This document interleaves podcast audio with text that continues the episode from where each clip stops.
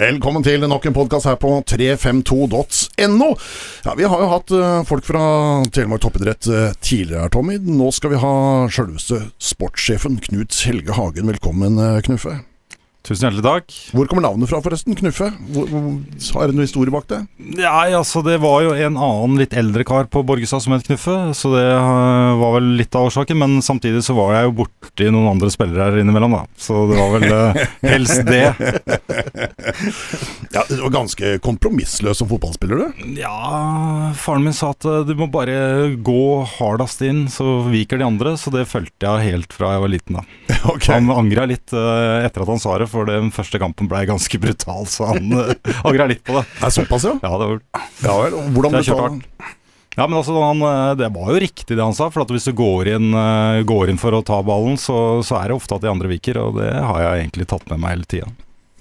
Du, eh, lang, innholdsrik karriere. Eh, mange husker deg godt fra tida i Odd. Selv om det bare blei faktisk to sesonger i Odd, så er liksom Du var kaptein og Wonderboy. Altså det var mm. eh, Det er mange som husker deg fra det, men, men gud være hvor mye klubber og greier du har vært i? Det har blitt noen klubber, det har det gjort. Eh, det var en veldig fin tid i, Odd, eh, absolutt. Så hadde jeg visst det som jeg så i ettertid der, da, så hadde det kanskje vært lurt å blitt der. Ja men den gangen så, var det ikke, så, lå det ikke i kortet at uh, Odd skulle være et uh, topplag. Nei, det er noe med det. Du, eh, sa det her eh, Det var liksom På 80-tallet så var det Tommy Svindal Larsen, og så var det Knut Helge Hagen. Det var liksom de to Wonderboyene som, som var i Telemark. Ja, Vi kan godt ta med Jon Hesjedal også, fra, fra Heddal eller eh, Notodden, eller hvor han var fra. Eh, men det var liksom snakkisen. Mm. Eh, hvordan opplevdes det å være sånn Wonderboy? Altså, Jeg tenkte ikke så mye på det. Eh, det gjorde jeg ikke. Men jeg husker Tommy veldig godt, og, og, han var jo kanskje, eller utvilsomt, den største Wonderboyen. da. Ja, ja. Men, eh, men, jeg hadde jo noen landskamper og sånne ting, så, så markerte meg jo der. Ja, for du fikk, du fikk mer av litt U-landskamper? Ja, ikke, så, ikke så mange, da, men uh, noen landskamper fikk jeg med meg. Jeg ja. debuterte jo med å løpe inn på banen og heade ballen i mål, da. Så det var jo mm. ganske, ganske fin uh, start. mot hvem? Mot, mot Polen. Mot Polen? Ja. Hvor da? I Polen. I Polen? Ja, Warszawa. I Warszawa. Så jeg løp bare inn med, med sånn uh, halvbleika hår. Uh, Hoppa opp og heada ballen i goal. Så så det veldig bra ut uh, ja. for framtida. Ja. Du, eh, I dag så er, har jo alle disse Wonderboyene som, som, er i dag, de har masse folk rundt seg, masse rådgivere og ja. sånne ting. Hvordan var det på den tida? Nei, altså Det var faren min, da. Uh, som var rådgiveren. Uh, mm. Og så var det noen kompiser og, og, de gutta som spilte i Borg. Mm. Det var de jeg diskuterte fotball med, og hva jeg skulle gjøre og sånn. Så det var, ikke, det var ikke veldig mye rådgivning. Det var det ikke. 87, høsten 87 så begynte du på B-trenerkurs på Uredd, på Kjølnes. Ja, eh, varte til utpå våren i 88. Eh, var det en sånn greie som du allerede hadde bestemt deg for at du skulle bli trener? Eller var det en sånn greie for oss å få en fot inn hos Lars Borgar, som var, uh, var sjefen der, og nei, så, lagt merke til? Nei, så strategisk tenkte jeg ikke. Altså. Nei, ikke det? Nei, overhodet ikke. Men, det var, men jeg har alltid vært interessert i å trene andre. Jeg trena lag i Borg, og jeg trena mitt eget lag. Vi hadde jo ikke trenere, for å være helt ærlig. Vi hadde pappaer. Mm. Uh, så på guttelag så var jeg treneren, og faren min lagleder. Mm. og så trener jeg de yngre laga. Så jeg var jo tidlig interessert i å være fotballtrener. Så. så det som var greia? Du skulle bli fotballtrener? Ja, jeg var jeg eh, likte, Jeg er jo veldig glad i fotball, da, altså påvirke, og jeg liker veldig godt å jobbe med unge. Uh, så det var helt naturlig for meg. Er du spent på hvordan jeg visste at du hadde vært på det kurset? Du var der, kan Jeg Jeg var på samme kurset. jeg la merke til en som hadde veldig god fotballforståelse. Ja, ja, ja, ja, Men den gang så var det gode, gamle B-trenerkurset. Altså, det var ikke noe dans på roser. I dag kan du bli B-trener på en helg. Overhodet ikke. Det var eh, ordentlig opplegg. Jeg skjønte med en gang at dette her tar mye lengre tid enn jeg hadde tenkt. da. Ja. Så, ja. For det er, det er lærerikt. Det er jo fint. Og jeg ser jo det at fotballtrenerkurs er, det er veldig viktig. Mm. Jeg ser nå UFAB som ble tatt nå, og jeg ser at de, de får ganske stor utvikling av de, de samlingene der. da. Så ja. Veldig positivt for Telemark at de får inn et, eh, et trenerkurs nå. Ja. Når hørte du om uh, Knut Helge Hagen første gang, eh, Tommy? Oi, det, det er som jeg sa, jeg husker hvem vi satt med sist gang, men det, det, er jo et navn som har gått inn i telemarksfotballen i alle år. Mm. Uh, og jeg også husker jo det på den, på den tiden her, selv om jeg da var noe yngre. Så, så, så var jo disse navnene, altså Knut uh, Ja, du og jeg er bare guttunger i forhold til han, vi. 73-modeller, vi. Ja. Han er 71, så Ja, ja, skulle nesten vært faren vår. Ja, Ja, hvor ung var du på det trenerkurset da? Ja, jeg var, uh... Var du like gammel som de? jeg var 14 år gammel. Det er sterkt, altså. Ja, 14 år gammel, da tok jeg B-trener. Såpass, ja. Ja. Da snakker vi. Ja. Så jeg også var jo trener og ville bli Det det. Men jeg, du har tatt det litt lenger enn det jeg gjorde. Ja. Nei da, men, eh, men uh, Knut Helge Hagen er jo eh, Ikke bare den gangen, men også han har jo det er som jeg skrev på Facebook rett før jeg kom inn her, for du delte jo den, den siden, og da var det jo prakke ned eh, Knut Helge med nedrykk og sånne ting, så. Så jeg måtte bygge han opp igjen. Ja. Så jeg skrev det at eh, det er, en, det er jo en eh, vanvittig kunnskaps, kunnskapsrik kar, og en som har finger med i, i det meste, kan du si, da. Eh, som vi sikkert vil høre om litt etter, altså litt etter hvert der, både, både i forhold til Odd, Toppidrettsgymnas eh, ja, og andre, andre steder. Så, så det er jo en som, som, som er litt sånn type eh, Litt sånn nøkkelen i, i fotballutviklingen i Telemark. Og så har du fortalt en gang, annen gang her, Knut Helge, at det, for eh, mange år siden så var det en sånn der, sånn, noen ferdighetsmerker eller et annet sånt Ja. ting, så hvor du var helt sheriff.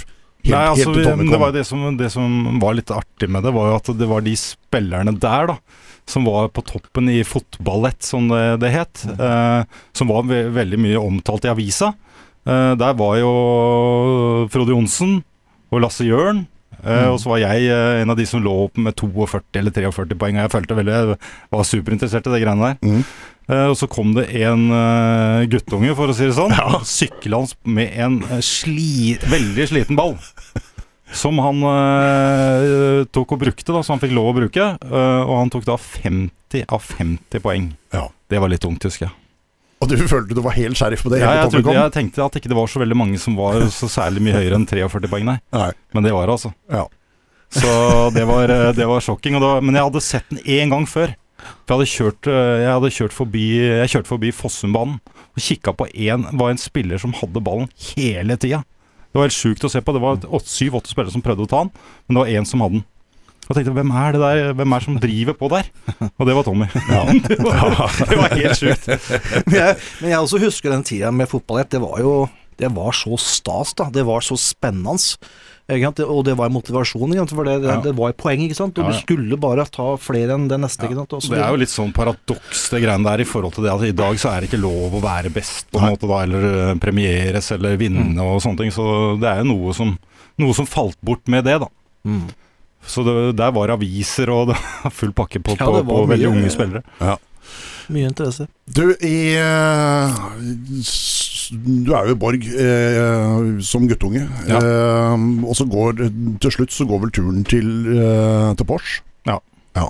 Fortell om eh, overgangen her. Altså, hva, hva, Nei, skjedde? det var jo ikke så lett det der, da. For det var jo både Odd, eh, Odd og Porsche var jo interessert i å få meg over. Eh, og så har jeg jo da en far som er mer eller mindre født inne på Porsche stadion, i det huset som var på innsida der.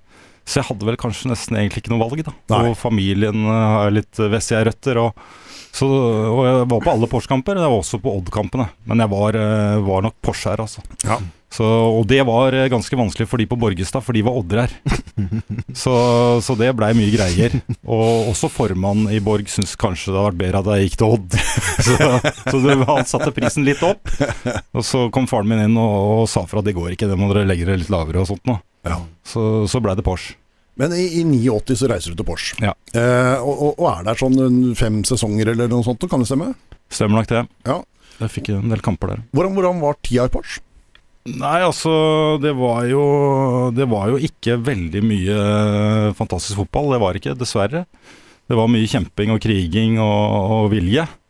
Men samtidig så var det veldig flotte år med unge, gode spillere. Så jeg eh, hadde en veldig fin tid, men, men det var mye sånn nedrykk og nesten-nedrykk. Og vi rykka vel ikke ned, men nesten-nedrykk, da, så vi kjempa i bånn mye. Mm.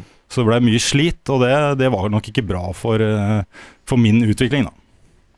Ja, for da, for da Ja, du fikk med deg et nedrykk med Porsche.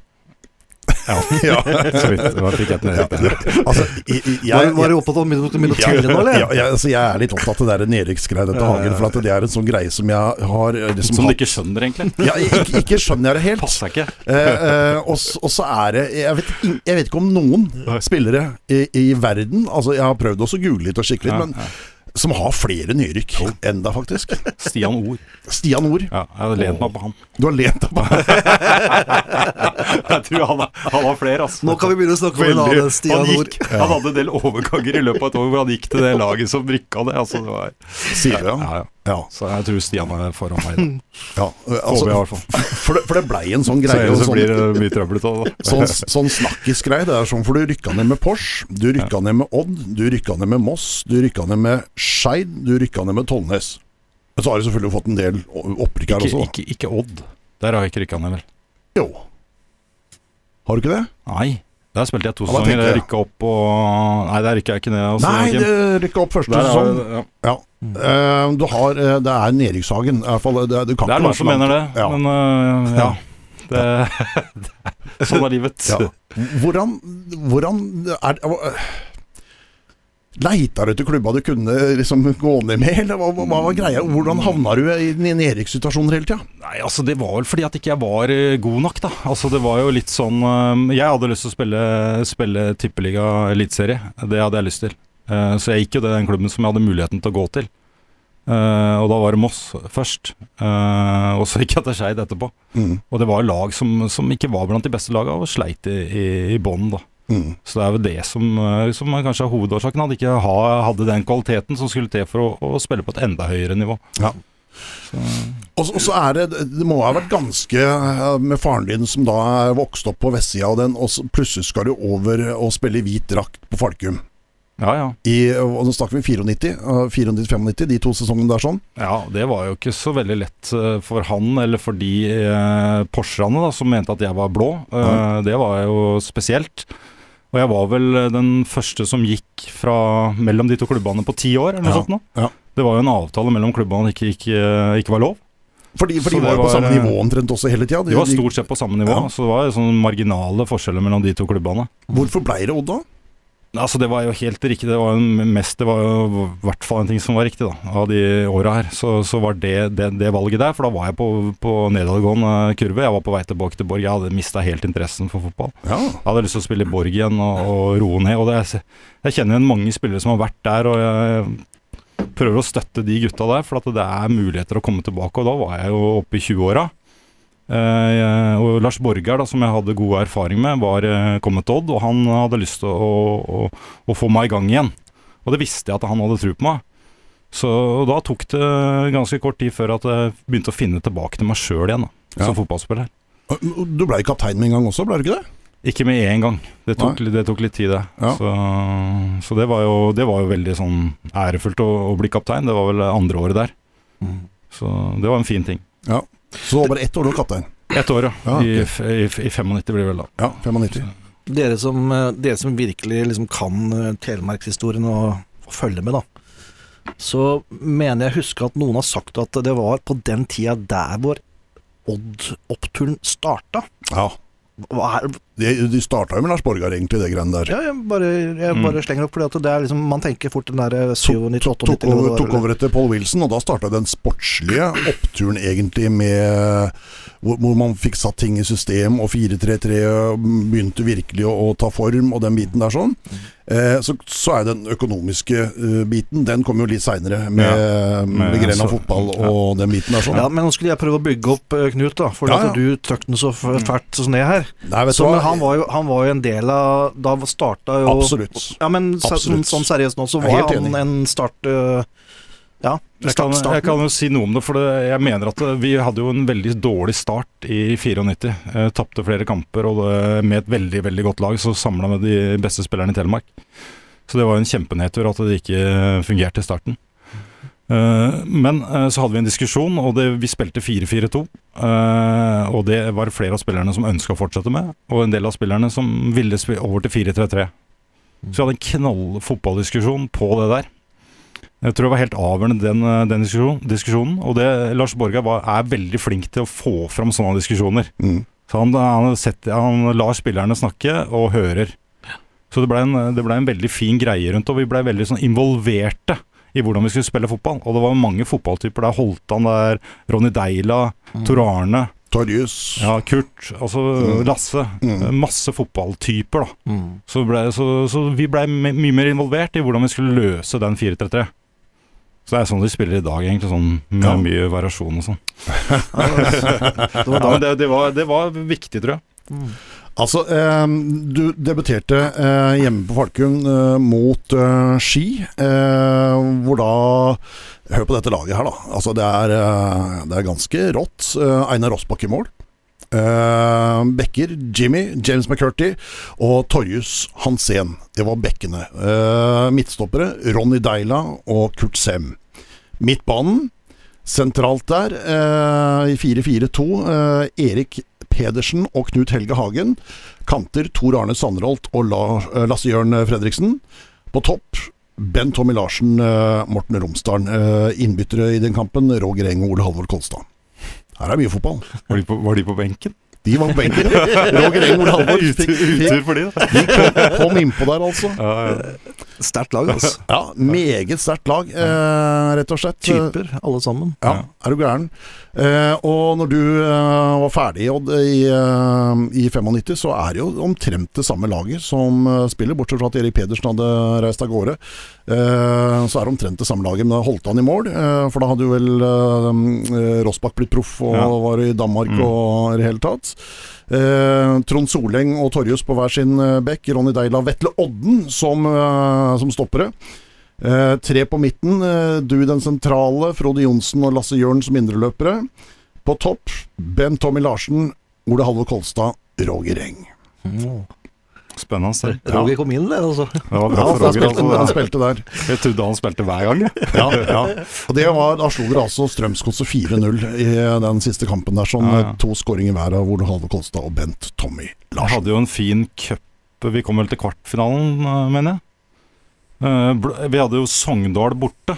Ja, stemmer det. Som, uh, som vi vinner. Uh, og da, har, da skal Einar Rossbakk tidlig på jobb dagen etterpå. Så vi får ingen får lov å feire. Vi måtte være stille i bussen hjemover.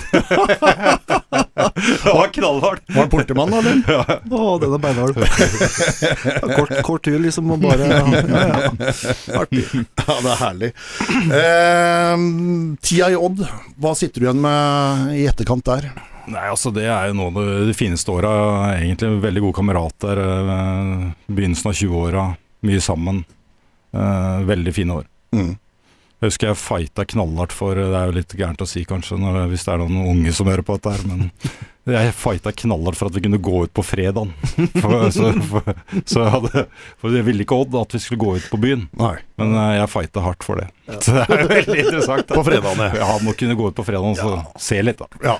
Hvor du skulle spille på søndag. Ja, ja. Det var langt, langt til kamp, ja, lenge til kamp. Det, det. Ja. det er kjedelig å sitte hele helga Sånn var det jo litt den gangen. Ja, var det det? Ja, det var jo det. ja, ja, ja, det var jo det. det, var jo det. Ut, ut, på fredag, kamp på søndag. Ja, det var mange som hadde det sånn. Bare ute og kikka, da. ja, bare ute og kikka. Sjekka forholdet. Ja. Eh, og så, så, er jo da, altså, Odd er jo på vei til et eller annet, og, og har en helt ok sesong i, uh, i førstedivisjon den gang. Altså den nest øverste divisjonen. Ja. Eh, året etter så begynte jo ting virkelig å rulle, og kvalik og litt sånne ting. Eh, men du forlater rett og slett Odd. Hva, hva, hva, tenkte du, hva var tankene rundt det? Altså, var det altså, tilbudet kom? Noe, det? det? var ikke noe lett å gjøre den gangen. Eh, Lars Borgar har jo vært veldig knytta til han og, og, og, sånt noe i, i hele fotballkarrieren. Uh, men, uh, men, jeg kjente på at jeg hadde veldig lyst til å spille i toppen. Mm. Uh, og blei jo frista av de laga som var interessert i meg. Det var jo da Skeid og Moss. Mm. sånn sett i ettertid så hadde det vært lurt å ikke gjort det der. Vi kunne jo kunne venta vært med Odd, eller tatt et annet lag. Så det, det er sånne, sånne, ting, sånne små ting som, som avgjør litt fotballkarriere. fotballkarrierer. Altså. Mm.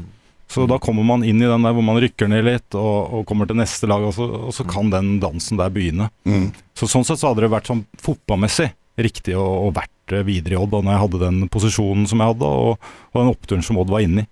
Men, Men, det er ikke så lett å se eh, Når, når det kommer til, til Moss og Melløs, så i utgangspunktet så var det et ganske godt lag. I hvert fall på papiret, som, som var i Moss. Det var, et, eh, det var, et, ganske godt lag, men ikke godt nok, da. Men mange gode spillere der, altså. Så blei det litt rot og litt dårlige systemer og sånt men, men, på slutten der så vant vi jo alt som var. Vi lå jo an til å rykke ned med glans med ti, ti poeng bak de andre. Så vant vi alt som var på slutten, og, og rykka ned da Fem minutter på overtid i siste kamp mot Kongsvinger. Hvor da Start uh, Eller Godset scorer mot Start. 5-2 der i Kristiansand. Helt, helt forferdelig opplevelse å, å, rykke ned fem minutter på overtid. Da. Folk heiv radioen, og det var uh, sinne og så da gikk jeg og Andreas Nyhaug ned til politistasjonen og ba om å bli arrestert og satt inn. Vi var helt kjørt. det skjønner jeg veldig godt. ja, for en del av de gutta der sånn, som var på det laget, altså, du tenker på Kjell Olofsson og sånt, og ble jo solgt til Skottland og var proff med Erik altså, Pedersen i Dundee. Det er jo kjempehistorie. Kjell Olofsson og, og, og Rune Tangen var jo ekstremt gode spillere. Rune Tangen kåra til den beste spilleren i, i landet det året der. Mm. Uh, de var eh, over 30 år uh, og ble solgt ut. så de fikk jo, seg en, fikk jo seg karriere på helt på slutten, begge to. Mm. Og Martin Andresen var i startgropa av sin karriere. Men sånn, det, var litt, det, var litt, for stor variasjon i laget. Det var litt for stor kvalitetsforskjell på de aller beste og, og de svakeste på laget. Mm. Mm og Moss, altså på den tida der sånn, så var jo Moss et, uh, hadde vært et bra lag over mange mange år. Altså de, de, hørte hjemme i toppen av, mm. av uh, norsk eliteserie. Og så har egentlig bare Moss blitt borte i etterkant. Mm. Altså har vært helt ned på nivå fire i, uh, i Norge. det oppleves litt rart sånn sett utenfra. Eh, har du noe hjerte for Moss enda? Altså, har du noen følelser? Har du noe, mm, kjenner altså, du noen jeg, jeg, hadde et eh, fantastisk år i Moss. Med mange gode kamerater og, og veldig fint år på, på, veldig mange måter. Men samtidig så var det så, så var det ikke det trøkket rundt Moss, selv om det var ålreit trøkk. Men det, var, det blei aldri mange tilskuere på kampene og sånn. De hadde ikke nok folk til å, til å skape den toppklubben i, i lille Moss. da. Mm. Selv om tradisjonene var der, så er det utfordrende med, med så li, lite, liten by. Eh, og Fredrikstad tok mer og mer over. Mm. Så, ja. Cupmestere tilbake i 83, eller?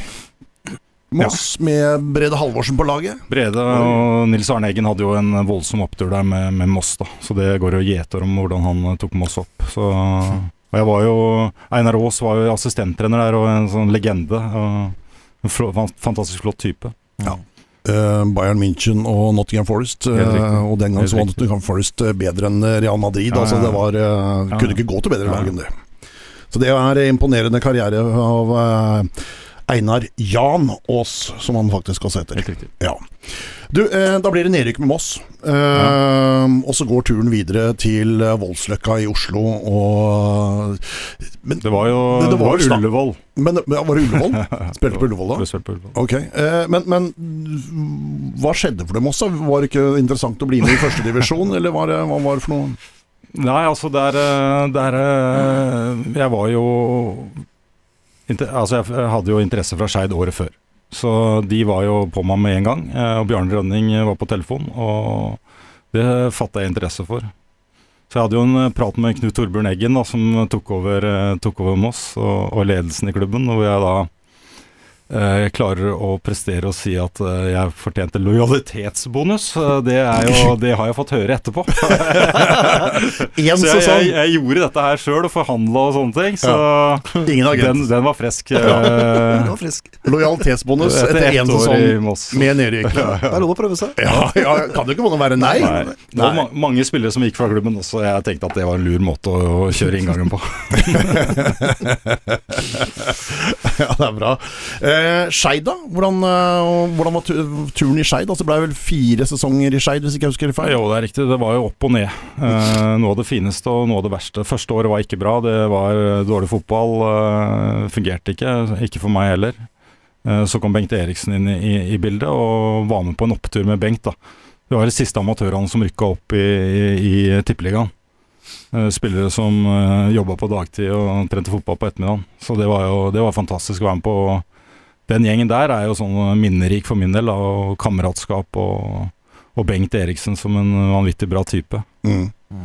Han var jo 33 år den gangen, så han var jo på vår alder, følte jeg. Og diskuterte mye med han, og det var harde tak, men, men veldig gøy, da. Ja.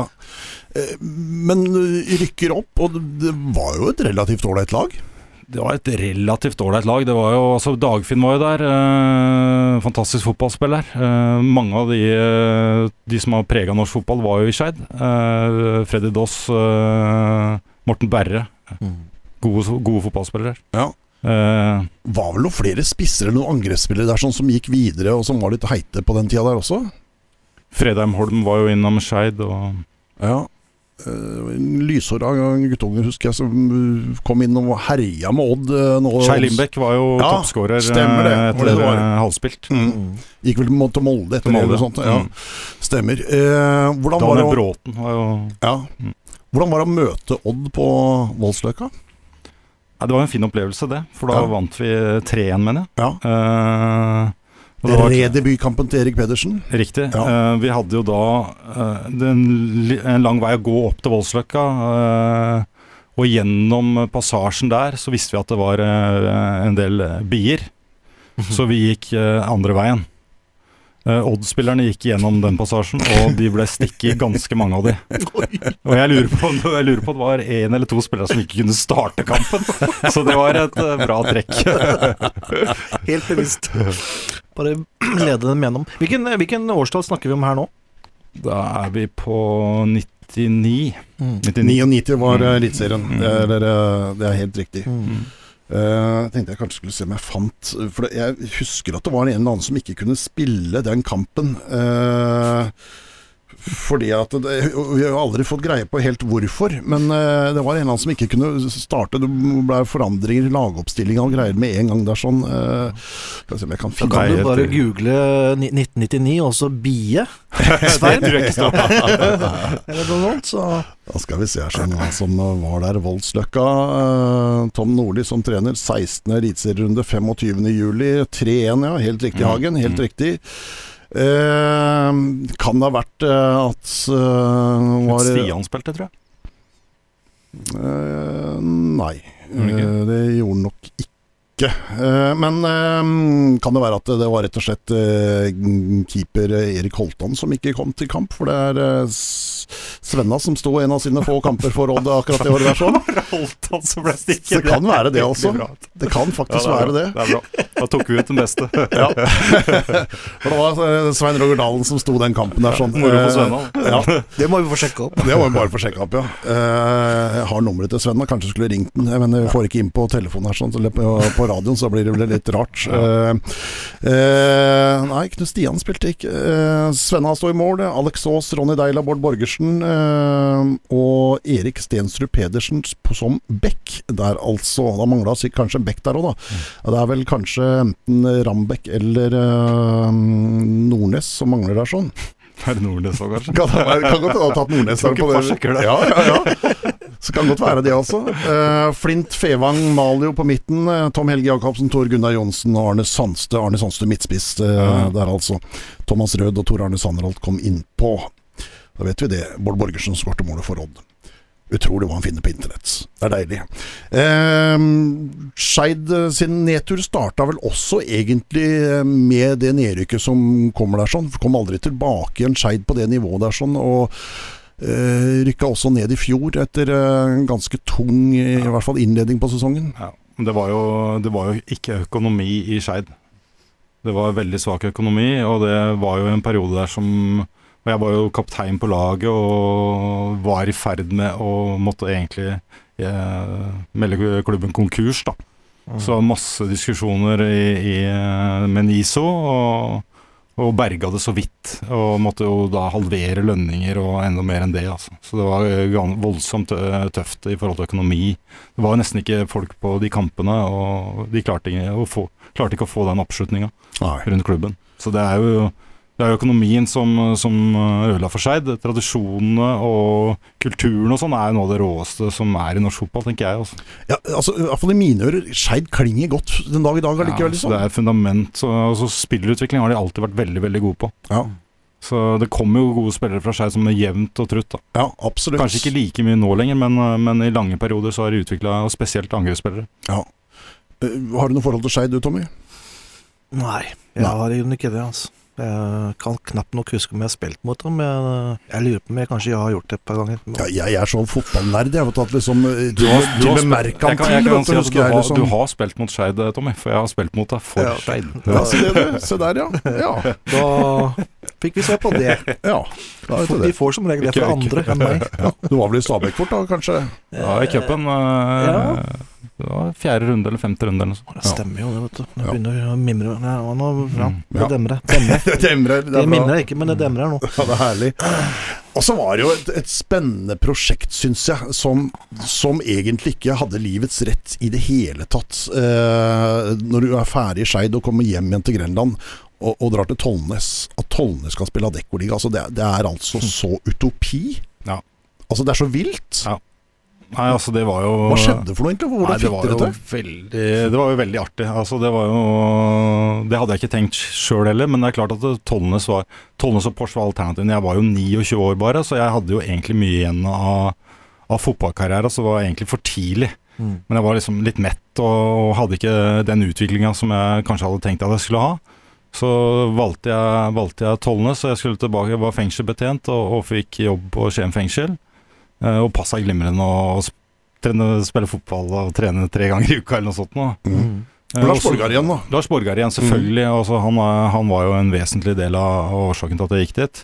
Samtidig som det var mye kamerater og folk jeg visste at jeg kunne ha det gøy med. Mm. Så det var jo det det var, og jeg merka med en gang første trening jeg var på, så tenkte jeg dette her er ikke noe dårligere nivå enn det jeg kom fra. Mm. Det var kanskje bedre. Ja. firkantene firkanten i Tollnes er noe av det bedre firkant jeg har vært i. Altså Det var mye tekniske, teknisk gode spillere her. Så, så i perioder i, i Tollnes så, så hadde ikke de andre ballen. Altså. Mm. Det året vi rykka opp der. Det var helt, eh, det var helt sjukt. Det var vanvittig gøy å være med på. Kameratgjeng som, eh, som leka seg med fotballen. Mm. Så Det er litt kult å høre på Nå fanger jeg bare det sånn veldig kjapt, men du målte liksom egentlig nivå, eh, altså parametere, med, med firkant, altså. Ja, så det er jo litt sånn. Du kjenner jo til det. Mhm. Altså De spillere, når man øh, holder en firkant i gang og, mm. og gjør riktig valg og slipper den enkelt og sånt noe, og har teknikken og ferdighetene til, til det.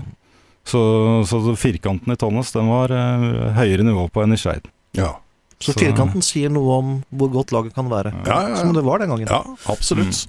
Ja, altså, det, det, det var så vilt at det skulle være oppi Adecco der sånn, men hadde dere trua på at dere skulle klare å holde dere, på en måte? Eller, var det, var det, eller regner med at det her blir eh, beinhardt? Eh, hva, hva I du? Tollnes, hadde dere trua på at dere skulle holde dere, liksom? Oppi, Oppe, i første divisjon? Ja. det, altså det som var utfordringa der, det var jo at uh, Tor Arne han gikk jo da til, til Porsche. Og det var jo en, det var, det var en veldig leit for, for, for Tollnes. For det, han var liksom Han var den eh, kanskje viktigste spilleren vi hadde Mhm. i forhold til det offensive. Han var knallgod på slutten av karrieren der. Mm. Mm. Så, så det var jo Det, det, ble- det svekka oss ganske mye. Samtidig så var ikke førstedivisjon kanskje det som passa det laget best. da Mm. For det var, da måtte vi opp et knepp på treninger og, og sånt. men Det var, ikke det, det var ikke laget for det. Eh, så det å rykke opp og ha det gøy og, sånt, og ikke tape kamper og sånn som vi måtte i første divisjon, det måtte vi regne med. Eh, og da blei det litt for tungt for, for, for laget og moralen. der. Kan godt hende at jeg husker feil. Eh, var du en del skada på slutten der? Nei, det var ikke, var ikke det, altså. Det var ikke det? Nei. Da blander jeg med en- noen andre. Mm. Det var en eller annen som, var, som skulle ha vært med hele tida, men som sto nede- Andreas Nyhaug var jo en del skada. Ja. Han var en viktig spiller for Ja, absolutt. Så- Men hvor kommer øh, det, det er bare, altså, Navnet Morten Rønningen kom også inn. Var, han også trener der en periode? Morten Rønningen var jo i forkant av det, Sånn eh, så han var jo med på å heve Thomas opp i annen divisjon den gangen. da Ja. Så, så det, han Så mye gode spillere, som, som, eh, Lars som tok det et skritt videre. Mm. Lars Borgar og Øystein Tallakstad, eller? Tallakstad kom etterpå, Ja, så jeg var jo trener med Øystein året etter, da i Ja. annen divisjon. Mm. stemmer. Var det noe økonomi i Tollnes Du å kunne være i Adecco, egentlig? Altså, det var jo Det var jo, det var jo økonomi i Tollnes. De hadde jo De fikk jo inn penger på, på bingo på automater og sånne ting, vet du. Det var jo det den tida der. Så, så det var jo ikke så gæren økonomi. Så de, de lønna litt spillere og litt sånne ting på, på den tida der, og det var jo det som var forskjellen på Porsche og, og Tollnes eh, da, at det, Tollnes faktisk hadde en del mer penger. Men eh, det å holde seg opp i toppen og sånn, det var nok, eh, det var nok for vanskelig for, for Tollnes. Ja. Når du sitter og ser tilbake på karrieren din, en ganske lang karriere, eh, som har inneholdt mange klubber, er, er det noe um, av de valga du tok som du uh, på en måte angrer på i etterkant? Ja, det er det. Uh, det er jo det er jo helt klart altså, Når jeg ser tilbake igjen, så angrer jeg egentlig ikke på noe. For at du lærer noe av alt. Mm. Uh, og jeg har møtt mange folk og blitt kjent med, med mange fine mennesker. Uh, spesielt kanskje Skeidtida, som jeg kommer til å ta vare på resten av livet. Det var en fantastiske folk. Mm. Uh, samtidig så sånn fotballmessig, sånn utviklingsmessig, så burde jeg ikke gått fra Odd. det var nummer én. Og jeg burde heller ikke avslutta fotballen så tidlig i forhold til å trappe ned, da. Selv om det var fine år i Tollnes og egentlig den siste tida i Porsche også, så, så, hadde jeg mer å gi der. Mm. Så det angrer jeg litt, litt på, sånn rent sånn fotballmessig, egentlig. Ja. Men, men du, du slutta ikke med fotball selv om du var ferdig med i Tollnes der? Altså, du, du, spilte jo litt etterpå? Jeg spilte i Porsche, hadde jo veldig fine år i Porsche på ja. slutten. Uh, kanskje og, veldig uh, fint å, å, være med Lars Borgar og være med helt til toppen i første divisjon. Mm. Uh, det er jo det sterkeste som Porsche har gjort de siste åra. Vi var jo på tredjeplass lenge. Mm. Havna vel på femte. Og Året med Dag Eilev var veldig artig, og vi klarte oss til siste kampen mot Bryne borte. og Det glemmer jeg ikke. Det var fantastisk gøy å, å klare seg eh, etter en veldig veldig tøff sesong med mange spillere som ikke fikk spille pga. kontraktsproblemer og sånt. Mm. Så. Hvilke årstall er vi på nå? Liksom? Nå, nå er vi på 2000-tallet og litt utpå, er vi ikke? Eller? Å jo. Ja, to, tre, fire eller sånt? Eller? Nei, vi er nok seinere også. Senere, Skal vi se om jeg kan finne 2004. Fire, fire. Ja. Øh, Fikk du tre sesonger ish i Porsche øh, på slutten der? Kan det stemme? To, nei, tre, ja, tre sesonger. Ja. sesonger. Fire, fem og seks, f.eks.? Ja, det stemmer nok. Ja, ja, ja, jeg tipper det. Um, er det noe, fikk, hadde du noe tilbud noen gang som du eh, angrer på at ikke du tok? på en måte? Fikk, var det noen som var på bordet der sånn som Nei, altså egentlig ikke. Altså, jeg hadde vel noen sånn interesse som jeg hørte om og sånt nå. Det, det, det gjorde jeg, men ikke, ikke, noe sånn konkret. Eh, det var det ikke. Så det var de klubbene som jeg var i, og den interessen som var fra Moss og Skeid og sånt. Og sånt. Så hørte, var det mange som hørte om at de og de var interessert, men aldri noe sånn konkret. Nei. Har du aldri hatt uh, agent? Aldri hatt noen agent. Jeg har, gjort, jeg har gjort alt sjøl, og det er jo litt spennende. Det syns jeg også er litt sånn spennende i ettertid. Altså, gjort det sjøl, ja. alle de forhandlingene og sånt. Og jeg fant min måte å gjøre på. Uh, så det er litt så spennende. Jeg har jo tatt læring av det òg. Ja. Og så finne, finner rette nivået på hvordan du skal forhandle og, og de tinga der. Hvilken, jeg, hvilken, kontrakt er du mest fornøyd med?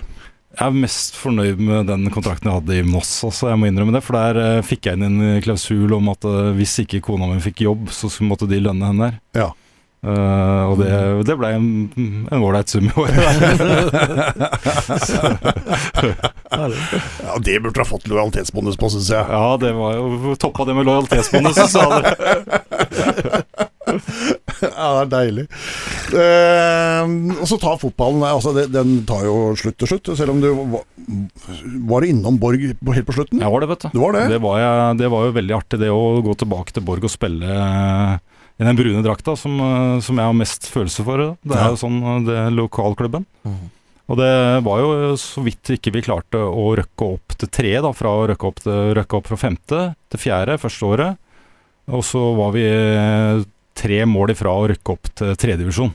Målforskjell der, altså? Målforskjell, ja. Oh. Så vi rota det skikkelig til med Gvarv, men, eh, men det, var, eh, det, var, veldig gøy, altså. Ja. Så spille med broren min og ja, ja, gutta, på, gutta, fra Borg, det var, eh, det var fint. Ja, ikke sant? Men det kan hende at jeg var altså det, Jeg var nok en utfordring for Borg da med Jeg, hadde jo, jeg har jo lyst til å vinne og Så det kan hende det var litt, standard, ja, litt, litt, for mye standard, kanskje. Ja. Så jeg tenkte at nå holder det. Nå, ja. ja. Men det var sikkert morsomt, det også? da Det, det var veldig morsomt, det var mye gøy og sånt. Noe gøy å rykke opp og mm. nesten være oppe i treet. For det, det, jeg syns Borg, eh, sånn fra gammelt av, så tenker jeg tre er riktig for Borg. da Ja, ja, ja. Ja, Men, eh, det er et stykke unna der nå, dessverre. Det er veldig langt unna. Ja. Men det er fint fotballmiljø der, og det er mange på A-lag. Flott anlegg skjer, skjer og ja. i det hele tatt. Ja. Uh, like Borg. Uh, og så er, blir du da fengselsbetjent. Jeg ble det, ja. Hvor lenge var du det? Uh, fra 2000 Nei, 90, 98 begynte jeg på 98-99 begynte jeg på fengselsskolen. Når jeg kom til Skeid, så var jo direktøren på fengselsskolen formann i Skeid. Se den, du. og samtidig så var Einar Rossbakk en av de som tipsa meg om å, å, å velge den uh, veien. Da, fordi at han hadde, han hadde, vært i politiet, men også, også innom fengsel. og og sa at det er en fin utdanning for en rask utdanning. I og med at jeg spilte fotball eh, på den måten som jeg gjorde, så det, fikk jeg i hvert fall en, noe i bånn. Mm. Så det angrer jeg ikke på. Jeg hadde mye fin læring av å jobbe på de store anstaltene. Både Ila og Bredtvet og, og Skien etter hvert. Da, og lære mye av det å jobbe med, med, med innsatte. Det, mm. jeg har lært masse. Mm. Eh, siste spørsmål egentlig om karrieren din. Altså, har, har, du noe som helst tall på hvor mange gule kort du har fått i karrieren din? Oh, det, er, det, er, det, er, like skremmende som, uh, som den Eriks-greia. Altså. Det henger sammen, kanskje. Det er mange, det. det er en del gule kort. Jeg lå på toppen der i, i, i, i Tippeligaen. Ja. Jeg gjorde det. Så jeg lå Det tror jeg du har gjort siden jeg så deg spille for første kamp. Altså. Spilte jo på grensa. Ja. Det, det gjorde jeg. Ja. Det er knuffe. det er knuffe, ja. Eh, men du husker du ikke du har møtt den heller? Fikk du gi Tommy noen uh, taklinger, Nei, men det, et, et, problem var jo en liten periode at jeg brakk litt mange bein. da Så det var Så det blei en fire-fem beinbrudd som jeg var borti. Ja. Så det var jo ikke så behagelig at jeg var innom uh, sånne ting. Det, var, det likte jeg ikke. Nei. Men de var reine, de taklingene, mener jeg. Ja. en fire-fem beinbrudd? Ja, jeg gjorde det. altså oh. Det var ille. Ja. jeg husker han eh, Kjetil Linseth, eh, tror han het, fra, eh, fra, Eik. Da hadde vært ute i lang tid, kom inn på banen, og da tok det to minutter, så var han ute igjen med beinbrudd. ja. ja. og det, Tore Dørmenen, som mange kjenner fra bryting og sånt noe her i fjorden, spilte på Herøya, juniorkamp. Jeg går i, og han går i. Uh, vi treffer ballen begge to, men hans bein går mer eller mindre av. Ja. Det var helt forferdelig, så han bare hang i, i skinnet, og da Det, det var ille. Da ja. dukka jeg opp med blomster. Uh, det, det? Ja, det, var, uh, ja. det, var, ikke noe trivelig, altså. Men, uh, så det er noen brudd på samvittigheten. Ja. Men, men altså, det, det, var jo den derre Den sentrale midtbanespilleren som var et helsike å møte. Altså, det, ja, altså, men det er jo litt sånn Full av muskler og pågangsmot og kraft ja, og, og trøkk. Det blei ble litt sånn. Og samtidig så var jeg kanskje ikke den, det opprinnelig den fotballspilleren jeg var. Jeg var mer kanskje en teknisk spiller ja, enn eh, en goalgetter, utrolig nok. da mm. uh, Så blei det mer og mer defensive Eller det defensive som blei prioritert. Borgestads svar på Gattusso. Kan nok være noe sånn Gattusso Raikin eller sånt. Ja, ja, ja. det er der, dessverre. Altså. Skulle heller vært Pirlo. Åssen er det å møte sånne, Tommy? Nei, men det er jo Altså, jeg, jeg sitter jo liksom Eller jeg har det inntrykket av, av Knut Helge at han var, han var fotballspiller. Eh, det her med å være tøff og, og sterk, ja, men det var han også. Men det, det, det kunne Altså, det var en bevissthet rundt det, da. Det å bruke litt ekstra av det, og være litt ekstra tøff, det, det kan man faktisk også velge å gå utpå der og så gjøre det. Men jeg opplever Knut Helge som en sånn Ja, mer sånn spillende Nå husker jeg ikke at han skåret så mye mål, sånn, det klarer jeg ikke å huske, men altså Nei, den den, men, men tek teknikker og god med ballen og skjerming, altså det er masse av det Det husker jeg. Mm. Ja, så jeg eh, husker ikke så mye av dette med, med liksom, typisk sånn kjøttspill og sånn kraft inn og sånne ting. Det klarer jeg ikke, Men han var tøff, da. Jeg vet jo det, at han, er, han var tøff. Kjøttspiller. Kjøttspiller. Du, eh, så har du altså da blitt eh, en av de store pampene og bossene oppe på Telemark toppidrett. Sportssjef. Ja. Hva vil det si å være sportssjef på Telemark toppidrett? Det vil si at du har ansvar for det som er av sport. da. Administrere det ansette trenere og ha, sikre kvaliteten på det som blir gjort. Ja. Uh, er det lett for deg også å se veldig på den fotballbiten, eller er det, klarer du også å se store paraplyen? Altså Det er klart at fotballen har jo Det er jo noe som er lett for meg å se på.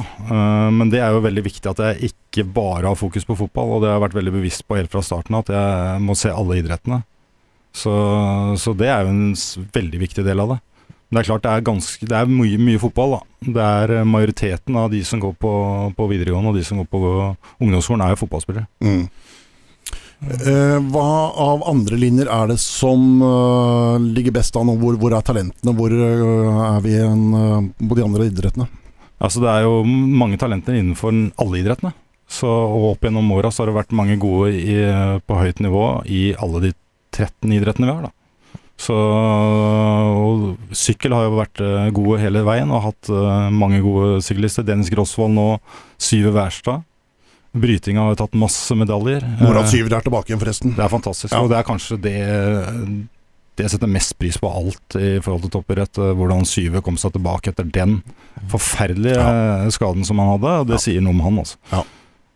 Det er litt av en type. Og er nå kanskje bedre enn han noen gang har vært, og det syns jeg er morsomt. Det er fantastisk. Ja. Det er enestående. Men uh, det jeg er mest forbanna på, mm. det er at uh, hopplinja er lagt ned. Ja, det skjønner jeg. Men det var jo, hva skal jeg si, det var jo fantastisk at vi fikk i gang en hopplinje, hvis du ser sånn på det. da. Mm. Det, er, det, lå jo ikke helt uh, an til det, og vi fikk jo Claes Brede Bråten og, og de til å være interessert i dette. Det ligger jo et fint anlegg her. Eh, men det, er, det, var vanskelig å rekruttere, og det var en gruppe med foreldre og litt sånt som var interessert i en periode. Uh, og så kom det ikke noe særlig mer. Og det, sånn er det også. Du prøver å ta de uh, idrettene som, uh, som, er aktuelle i området, og, og, noen ganger så går det ikke. Så mm. vi gjorde et godt forsøk. Ja. ja. da, jeg husker det. men det, det, er en sport som er mitt hjerte ja, ja, nær. Det var fantastisk moro å være med på den, den, biten vi hadde. Vi hadde jo Magnus Brevik som, som trener. og ja. Så det var veldig spennende. Men det var ikke nok hoppere. Det var veldig få hoppere i landet, så, så det, det, er ikke lett å, å fylle, fylle, de plassene. Nå skal dere etablere dere i Porsgrunn også. Ja. Fortell. Ja, Det synes jeg, det har jo vært kanskje noe av det gøyeste, å etablere seg i Porsgrunn. Uh, det har jeg veldig tro på. Uh, jeg tror Porsgrunn også trenger det, og, og, for oss så er det veldig fint å, å, tilby enda flere plasser på ungdomsskolen. Vi skal ikke ha for mange plasser, men, uh, men sånn at så at det, det, er tilbud i nærheten av der de bor. Uh, og vi er, veldig, vi er, veldig, fornøyd med det konseptet som er på ungdomsskolen. som er sånn Vi så jo det at den basisen, den fysiske treninga, uh, ikke ble kanskje Det er ikke så lett å ivareta den i klubbsammenheng. Da mm. Da blir det mye spesial. Så det å få, få lagt til rette for god fysisk trening i, i skoletida, og, og, variasjon, samtidig som også noe spesialtrening, uh, så har, de, har vi funnet et fint konsept, syns jeg. Mm. Hva, hva, er uh, utfordringene rundt det også, ja, hvis vi ser bort fra parkeringsplasser, som har vært mye skriving om. Uh, hva, hva, hva, er utfordringene med å starte opp i Porsgrunn, egentlig? Altså, det er jo litt unna der vi er vant til å være. Uh, det er jo litt utfordring. Fordi vi kjenner alle Vi kjenner lokalen i Skien, og vi kan bruke det når vi vil, og, og har et veldig godt samarbeid med kommunen der. I Porsgrunn så må vi etablere oss og komme inn sammen med de andre. og Eh, så det å finne sin plass der, da, det, det, er jo kan være en utfordring. Det virker ikke som det er det, men eh, det kan være det. Mm. Mm. Ja, det er spennende greier. Tenk om vi hadde hatt sånne skoler når eh, vi vokste opp, Tommy. Ja da, det man jo, eller kan man jo gjerne si, da, men, men, det er jo det som kalles utvikling, da. Det ja. er jo det er jo det er supert at det tar de veiene det gjør. og betyr bare at vi kan få fram enda flere talenter. Eh, på, på, ikke bare fotball, men altså også andre idretter. Så det, det, er jo helt topp. Ja, men det er jo et privilegium for ungdommen i dag å vokse opp og kunne ha et sånt miljø rundt seg, Knut Helge? Altså det, det, jeg ser er veldig viktig, det er at det henger sammen. Det de gjør. Altså de trener og går på skole, og de gjør lekser, de gjør lekser på, i skoletida.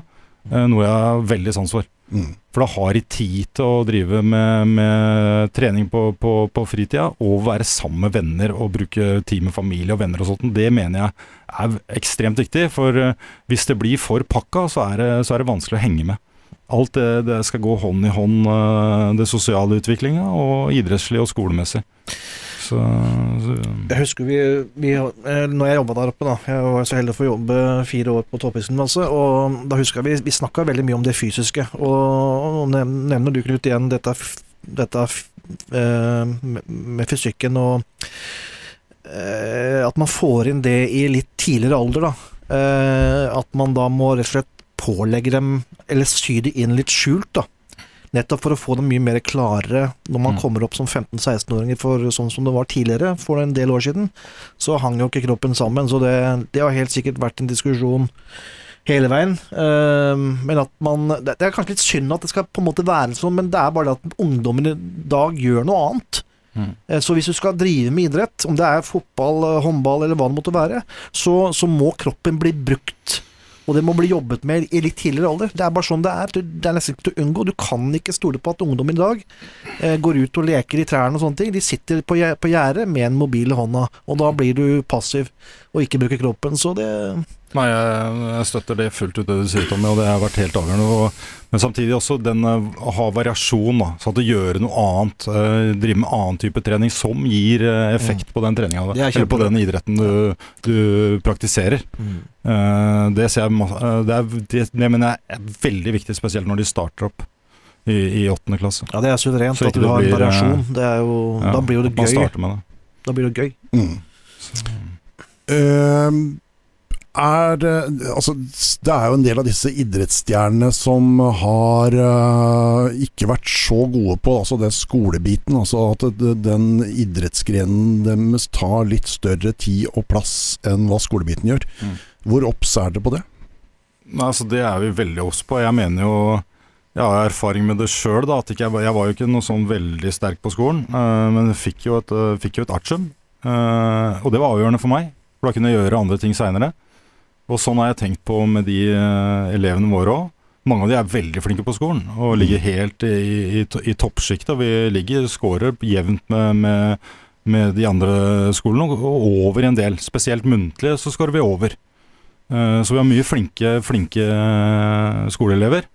Men, men jeg syns det er viktig at man kan få drevet idretten sin og få artium. Altså det, det, er en verdi i seg sjøl. Og jeg tror veldig mange, mange idrettsutøvere er praktiske idrettsutøvere. Uh, og kanskje ikke spesielt interessert i andre ting, type elektro, bilmekanikk, altså den typen ting. Da. De er interessert i praktisk idrett. Å få på plass en utdanning i tillegg til det, det sikrer dem for at de har andre muligheter seinere. Så jeg har sett mange gode eksempler på, på folk som har utvikla seg voldsomt sterkt på skolen i seinere tid også. Ja. For de har med seg et grunnlag, og de får en, en, stor kapasitet ved det å drive, satse på idrett, og samtidig ta skole. Så. Ja, Tommy er jo nesten utdanna elektriker, så det er jo Fortsatt bare ringe meg hvis du skal ha time. Lodding, som sagt. Lodding. lodding, veldig Jeg har også ikke et år på elektro på Glåsfjorden. Da spilte jeg stort sett bordtennis mot Terje Andersen. et år med bordtennis der? Det ble ganske bra, da? Det Var god da. Ja. Eh, og så måtte, ja, ja, Terje var fin, der òg. ja, nå Terje. Er det litt vondt og litt hjerteskjærende det å måtte takke nei til eh, elever som har lyst og brenner for å få lov til å komme inn hos dere, men som dere ikke har plass til? Ja, det syns jeg. Eh, det er ikke ålreit. Eh, nå er det sånn at vi kan gi tilbud til veldig mange, da. Eh, men noen, eh, noen, vil jo ikke komme inn. Eh, det er leit. Skulle ønske å gi alle tilbud, men samtidig så må det jo være en visst nivå da, når du først skal satse og bruke tid på det, så, så er det noe med nivå også. For det er ganske krevende å, å komme opp på, på, et, på, et, høyt nivå. Mm. Men så er det jo sånn med, med toppidrett, det er jo det ordet toppidrett som er litt vanskelig. For det er jo ikke det at det er jo ingen, nesten ingen toppidrettsutøvere eh, når de starter hos oss. Mm. Noen kan være det i løpet av åra, men det er jo det muligheten til å lære seg å bli toppidrettsutøver som er konseptet. Mm. Så det, er liksom, det syns jeg har vært vanskelig hele tida. Toppidrett-stempelet, uh, da. Uh, det kunne jeg godt tenke meg at det var noe, het noe annet. Mm. Mm. Så, uh, for det stempler egentlig litt i ungdommene. For det, du er jo på toppidrett, og du er toppidrettsutøver og sånne ting. Og det, det, er det ikke. Vi skal lære å bli det, og prøve å bli det. Mm. Så det er en uh, vesensforskjell, syns jeg. Er det en idrett du uh, syns mangler på skolen? Som du gjerne skulle hatt? Ja, egentlig. Uh, turn er en idrett som jeg godt kunne tenkt meg at vi hadde. Så vi har egentlig aldri fått helt tak på, på det, og det er litt sånn i forhold til hva er vært riktig å satse på apparat, troppsturen, troppsturn, uh, og vi har litt sånn, blitt litt imellom den der. Uh, tenkte at apparatturen er en interessant greie, og så er det ikke så mange som driver med det. Og så, så har tropp vært noe annet igjen, og da har vi cheerleading. men jeg, jeg, tenker at turn er en idrett som jeg godt kunne tenke meg. Det er egentlig litt rart, fordi nå vet jeg ikke jeg for mye om turn, men jeg mener å, huske, og litt vite, at turn har jo vært veldig til stede i Skien og Porsgrunn. Altså Skottfoss-turen og altså disse Det er stort, det er kjempestort. Ja, men hvorfor uh, Men det, har, det, har ikke, det, er veldig ofte sånn at de gir seg ganske tidlig, mm. eh, og, og, slutter før, før videregående alder. Ja. Så vi har prøvd litt, men vi har ikke fått det helt i gang. Altså. Det, kunne, det, er en idrett som jeg godt kunne tenkt meg å ha hatt inne hos oss. Mm. Ja, idrettslaget Hei ble starta som en uh, turnklubb. Mm. Mange av Odd-åene. Ja. Og der kunne vi mikse og blande litt, for at ja. den tre, type treninga måtte inn i eh, fotball, f.eks. i håndball, med liksom motorikk. Og. Den, den, er jo spesielt viktig i enda yngre alder for fotballspillere, tenker jeg. da. Mm. Akkurat når de kommer opp i, i videregående alder, så, så er den uh, litt tøffere å kombinere med turen. Mm. Ja. Du, eh, I tillegg til å være på toppidrett, så er du eh, også styremedlem i Odds ballklubb. Ja. Hvordan eh, ja, det, Nå har det vært en dans på roser eh, siden det starta opp. Hvordan er det å, å, sitte i styret der i dag? Nei, det er veldig fint eh, å se den sportslige utviklinga. Det er jo rett og slett fantastisk å, å følge, følge Jan Frode og den utviklinga som hele det støtteapparatet har hatt. da. Uh, det var jo litt skummelt akkurat i starten, så kjente det litt på nervene da. Uh, og klart for Jan Frode å komme overta laget etter tolv år som assistent. Uh, det er jo ikke gitt at det er en suksess. Svært få assistenter som lykkes med det ja, i egen klubb.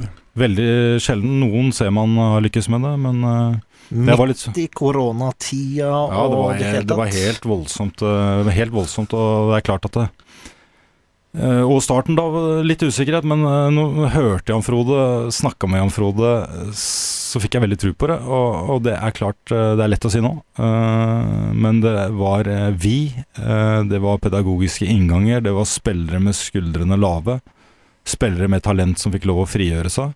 Markus Kaasa. Markus Kaasa kanskje symbolet, mm. ut fra det jeg ser, da, men med den kreativiteten han får lov å, å bevege seg sånn som han sånn som han gjorde i går. Eh, selv om han kanskje ikke spilte sin aller beste kamp, så er det nydelig å se på han. Han, får, han leiter hele tida etter det åpne rommet. og sånn uh, Reflekterte litt rundt det i kampen i går, hvordan han bevegde seg på banen for å finne rom.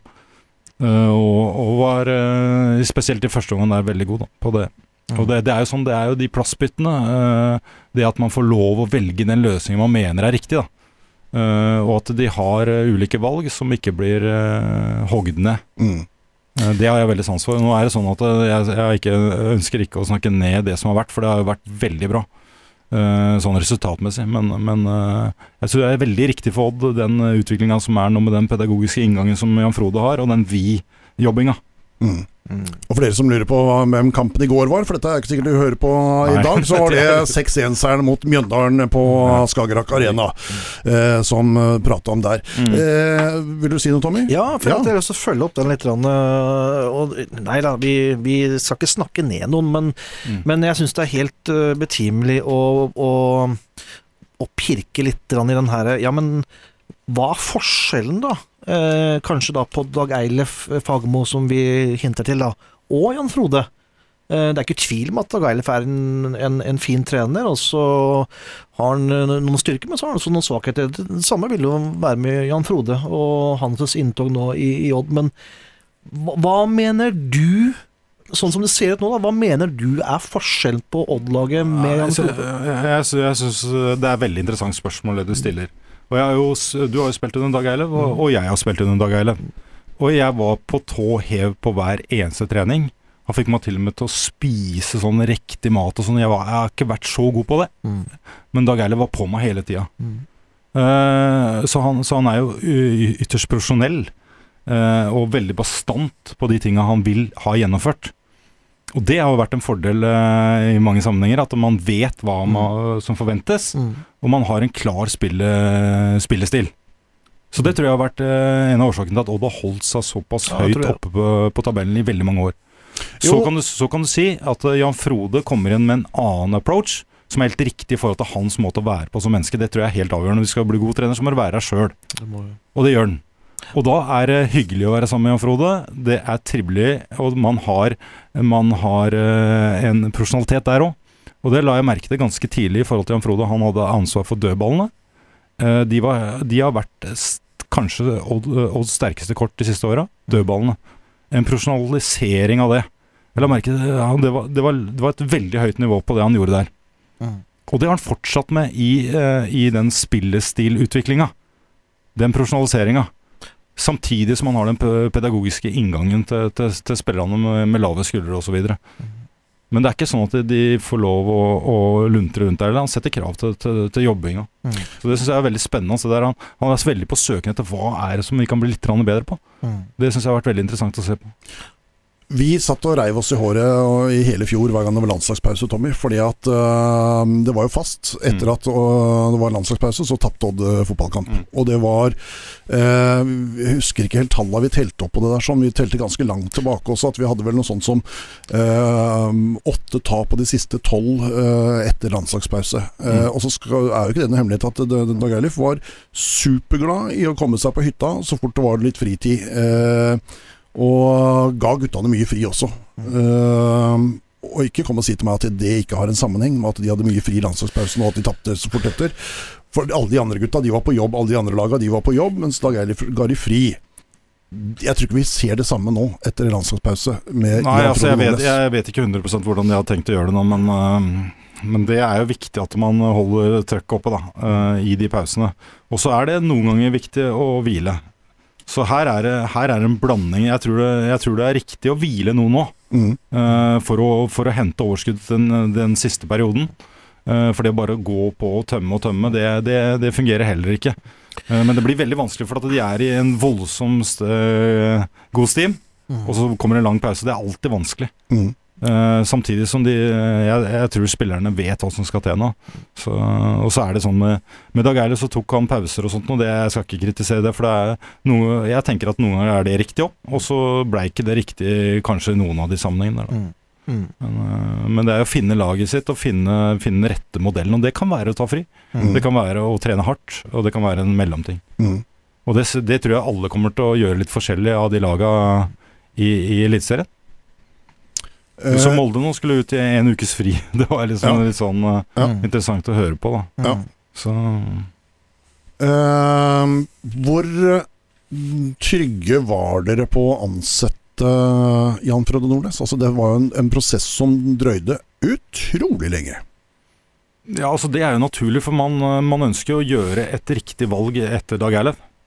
Det visste man, eller tenkte man at det kunne være en, en vanskelig situasjon. Eh, en trener med, med så, så stor suksess. Man tenkte vel kanskje at det går nesten ikke å få det like bra. Uh, man var vel kanskje redde for det. Mm. Så, så det, det er naturlig at man gjør en skikkelig, skikkelig runde på det. Men når alt kommer til alt, så, så, så, så følte, jo, følte jo hele styret og alt at det her var riktig. Og så er det å backe opp da, å være et team, og sånn som Jan Frode egentlig snakker om, at alle drar i samme retning. Mm. Og det, det, det syns jeg har vært veldig gøy å se det siste. At det hadde vært en sånn eh, kanskje litt annen måte å være på. At man, man gjengs har følelsen av at man betyr noe i Odd. Mm. Eh, det tror jeg betyr, betyr enormt mye for, for klubben. Mm. Og det er jo synd at ikke vi får sett det i forhold til tilskuere og sånt, mm. for det, det kunne vært eh, ganske fullt på Skagak Arena, tror jeg. da. Ja, det er jeg ganske sikker på. At uh, kamp som i går mot Mjøndalen, hvor man herjer, at uh, mest sannsynlig så hadde det vært fryktelig mye mennesker etter Det den, den gode perioden man har vært igjennom. Til tross for at man tapte med Molde, så, så framsto man jo som kjempegode. Ja, så det er det man spiller sånn som man ønsker at de skal spille. At de er frigjorte, at de er eh, fremoverretta. Eh, det, er- det liker folk å se på. Mm. Eh, Hvor mye har dere som styre mm, å si? Altså, hvor, hvor mye kan dere være med å bestemme på det sportslige, på det økonomiske? Altså, hva, hva er deres oppgave som styre? Nei, det er jo å kontrollere at det blir gjort på en riktig måte totalt sett. Det er jo økonomiske, det ligger jo parametere på det, men økonomisk er den viktigste. At, den, eh, at det er god klubbøkonomi. Og så er det jo på, på det sportslige så er det jo også har man en del å si. Men det er jo satt noen ulike sånne parametere i forhold til så og så mye lønn og så og så høy overgangssum og sånne ting. Så styret er mye involvert, syns jeg. Eh, Og i trenersammenheng så er det jo de, eller vi, som da avgjør, eh, avgjør hvem som skal trene klubben. Mm. Så Jeg tror jeg oppleves som litt sånn provoserende kar noen ganger. Og han skal provosere fram eh, et svar fra, fra Knut her, da. Men Ja. eh, du sitter jo i styret og har eh, flere rundt deg. Mm. Eh, hva skal til for at Odd eh, i nær framtid rett og slett blir nummer én? Vinner en tittel? Blir seriemester? Hvorfor skal Bodø-Glimt eller andre gå fram og gjøre dette her? Hva skal til, og er det en ambisjon? Eller er vi Punktum. fornøyd med å Punktum. Punktum. Punktum. Vi stopper der. Kort, kort og konsist. Ja, konsist. det, det tenker jeg er Det er vel eh, Det er et veldig eh, godt spørsmål, Tommy. Og så er eh, det har jo ikke vært en klar målsetting om at du skal vinne. Nei. Det har ikke vært, men du skal være blant de tre, fire, fem beste laga. Mm. Det er den målsettingen som har vært. Og det Men er er det for defensivt? det kan godt hende, og, og det er jo en strategi eh, som skal gjøres nå de nærmeste, nærmeste månedene, hvor man skal se på strategien. Eh, klart at Vi ligger jo bra an til å kanskje dunke til litt, men er, samtidig så er det jo også Man må jo se litt sin egen eh, rolle i dette her òg, og, og hva klubbøkonomi og sånt noe. Men det, jeg, uh, så, uh, vi kommer til å jobbe med den strategien fremover. Mm. Så det Spennende. Ja. Kommer Odd eh, noen gang til å så kunne bli seriemester? Ja, jeg mener altså hvor, hvorfor ikke, da. Altså, det mener jeg absolutt, ut fra, ut fra det ser Bodø-Glimt nå. Eh, Odd er på vei, uh, gjør mye av det samme. Jeg syns uh, at vi har la- latt oss inspirere litt av Bodø-Glimt, egentlig. Mye av det samme. Uh, Bodø-Glimt er litt lenger fremme. Eh, og det er klart Når du får begynne å rulle på det å selge spillere, så, så har det jo stor betydning.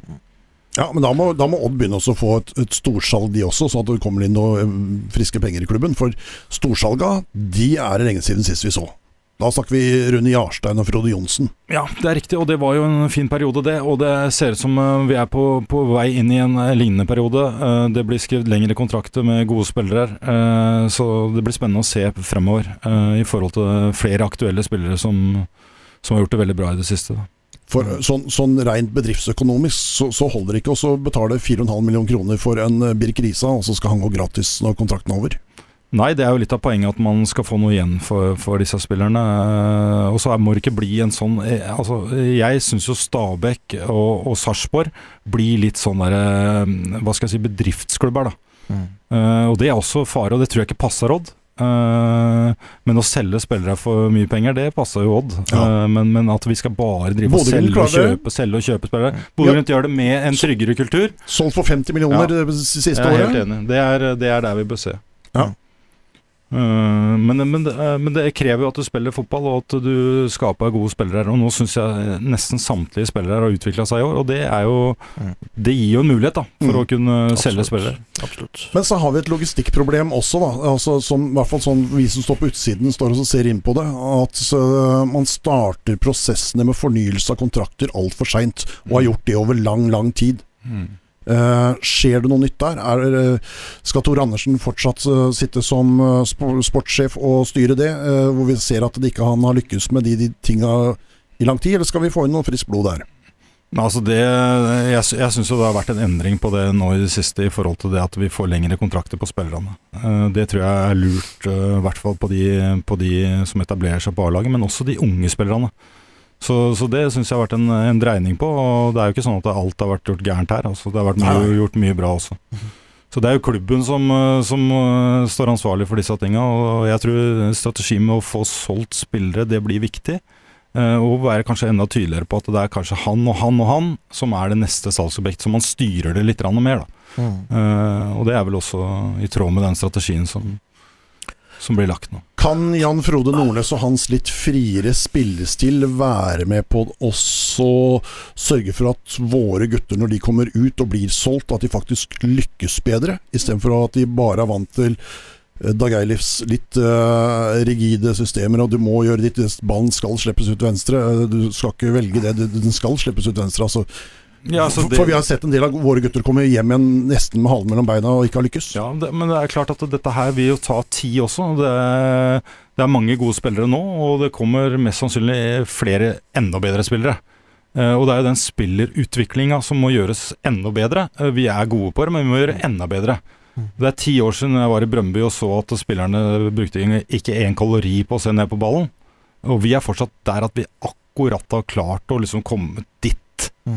Men det har jo vært en kultur i, i dansk fotball, spansk fotball. De, de kikker ikke på ballen når de tar imot ballen, mens vi har brukt to, ett til to sekunder på det. Mm. Det er klart, Da blir det vanskelig å, å selge spillere internasjonalt, når de, når de sliter med, med å kontrollere ballen. og blikket oppe. Mm. Så, og der, det er en kultur, for vi har jo ikke så god spillerutviklingskultur, egentlig. Vi har ikke fotballkultur som veldig mange av de andre har. Eh, men den er jo dreid, og det er jo mye, enorm eh, forskjell på profesjonaliseringa i forhold til den delen av det. Mm.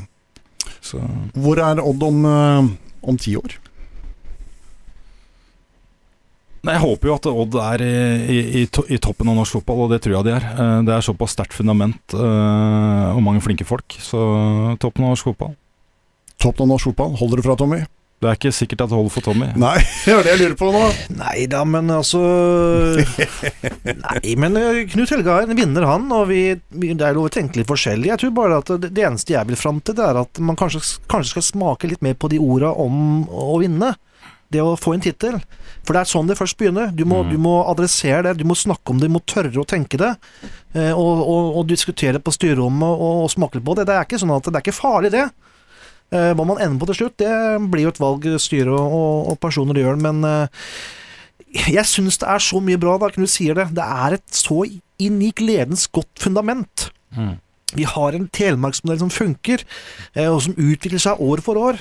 Det er, det er mange komponenter her, hvis noen tør å kanskje gå litt foran også. Og, og, og, og få noen litt, litt sånn med seg på den tankeprosessen. Men jeg er helt sikker på at Knut og, og styret har gjort det flere ganger. Eh, Men, men det er noe med tid og sted og Ja. så kan- så kan du si at Telemarksmodellen funker for Odd, men for Telemark så er det ikke sikkert den funker så bra. For er det riktig at de 60 beste fotballspillerne skal være i den samme klubben? Ja, det er et evig eh, Jeg er usikker på Det er jo et evig- Har du, noe- noen debatt, tanker rundt det? Jeg har, øh, jeg har Jeg har tanker rundt det, for at det, det jeg savner, er at de spillerne som er 19 år i dag, ikke har et sted å gå til i en annen telemarksklubb. Det savner jeg. mm. Det skulle vi hatt. Mm, uh, nå er det ikke sånn at no Notodden er jo et alternativ, uh, men Porsche, Porsche eh, må komme opp på det nivået. Mm. Det savner jeg. Mm. Så det at Porsche styrker seg, har vært viktig for, for telemarksfotballen. For det er klart at det å, å holde litt som min egen, egen karriere, da, som eh, 21-22 år egentlig litt ferdig, Mm. på vei tilbake til Borg og, og spille med kompisene, så, så var jo Odd der, og det var en mulighet for å ta løftere. Mm. Og det, burde, det, det skulle jo vært ønskelig at det var en sånn klubb, da. Mm. For det, du går tom i Odd-systemet hvis du har vært der gjennom fra du er 12, 13, 14, 15, 16, 16 eh, Si Så mange kommer utenfra, da. Og så, kom, 15-16 år der. og så skal du gjennom den trappa der, Mm. og så får du det ikke til, og du Mm. kommer ikke i annendivisjonsspillet, og du kommer ikke opp og får FA-kontrakt. Så, så, så gir dere og, og, og velger, velger utdanning. Der burde det vært en, en mulighet i Telemark, så ikke man eh, må reise til, til eh, Agder eller Vestfold eller Og da sier jeg heia Jonathan Linseth og Betten Hansen og Ja, ja. altså disse gutta som har klart det likevel Ja, ja. uten å komme gjennom eh, Odd-systemet. Jo da, men øh, nå var jeg i Porsche her, øh, og med mange andre trenere så var jo, fikk jeg også den, det berømte kicket eh, vekk fra klubben. Og det er sånn som skjer. En jækla fallskjerm, vel? Ja, voldsomme fallskjermer. Eh, Ingen kommentar? Ingen kommentar. det var ikke det jeg ville snakke om nå, men, men øh, øh, jeg husker godt, i hvert fall, når vi er inne på litt dette her med at vi må ha en klubb til som kanskje har et, et miljø som kan ta vare på disse spillerne, blant annet. Eh, Eller som kanskje også kan trigge Odd litt til å liksom Ikke nødvendigvis liksom være konkurrent, men liksom litt sånn blanding, da. Og det, det å ha et sånt miljø er, eh, er, vil være kjempeviktig, men da må klubbene sjøl erkjenne at det er vi Altså når jeg var i Porsche, det er vi som må gjøre noe med det. Vi kan ikke lene oss på Odd. Nei. Hei kan ikke lene seg på Odd. Jo, vi ser den at eh, jo, det går spillere opp dit, men det er jo en, det er jo en naturlighet. Og så kan det hende at Odd kan på noen fine måter gjøre noe annet tilbake.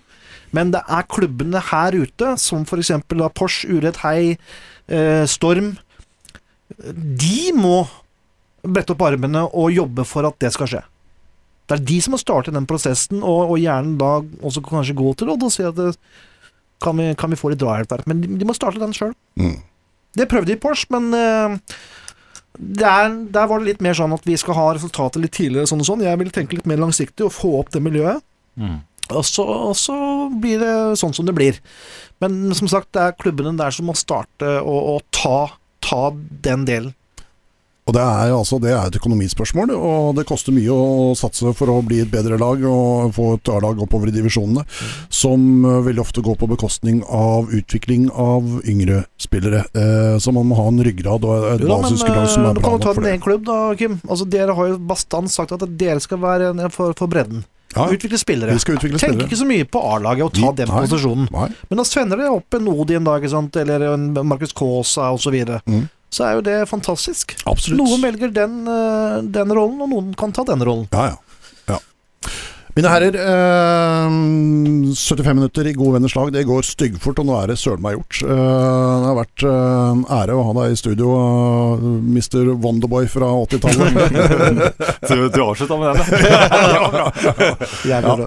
Wonderboy fra 80-tallet. Wonderboy fra 80-tallet. hår og Ja, ja, det hadde jo det. Ja, det- Ja, ja, Flagrende hår. Ja. Eh, og eh, dette har ikke vært et nedrykk, eh, unge Knut Helge Hagen. Ja. Eh, Det har vært en ære å ha deg i eh, studio. Takk. vi møtes igjen senere i uka. Vi, Tommy, du kommer med flere gjester denne uka. Ja, vi, vi har i hvert fall på plass uh, Einar Håndlykken. Ja. Uh, og så jobber vi litt med å få inn Bakenga, Ja. som er i ordentlig dytten. ja. Så er, vi får nok han på plass. Mushagalusa. Joar. Det kan du ta. Altså.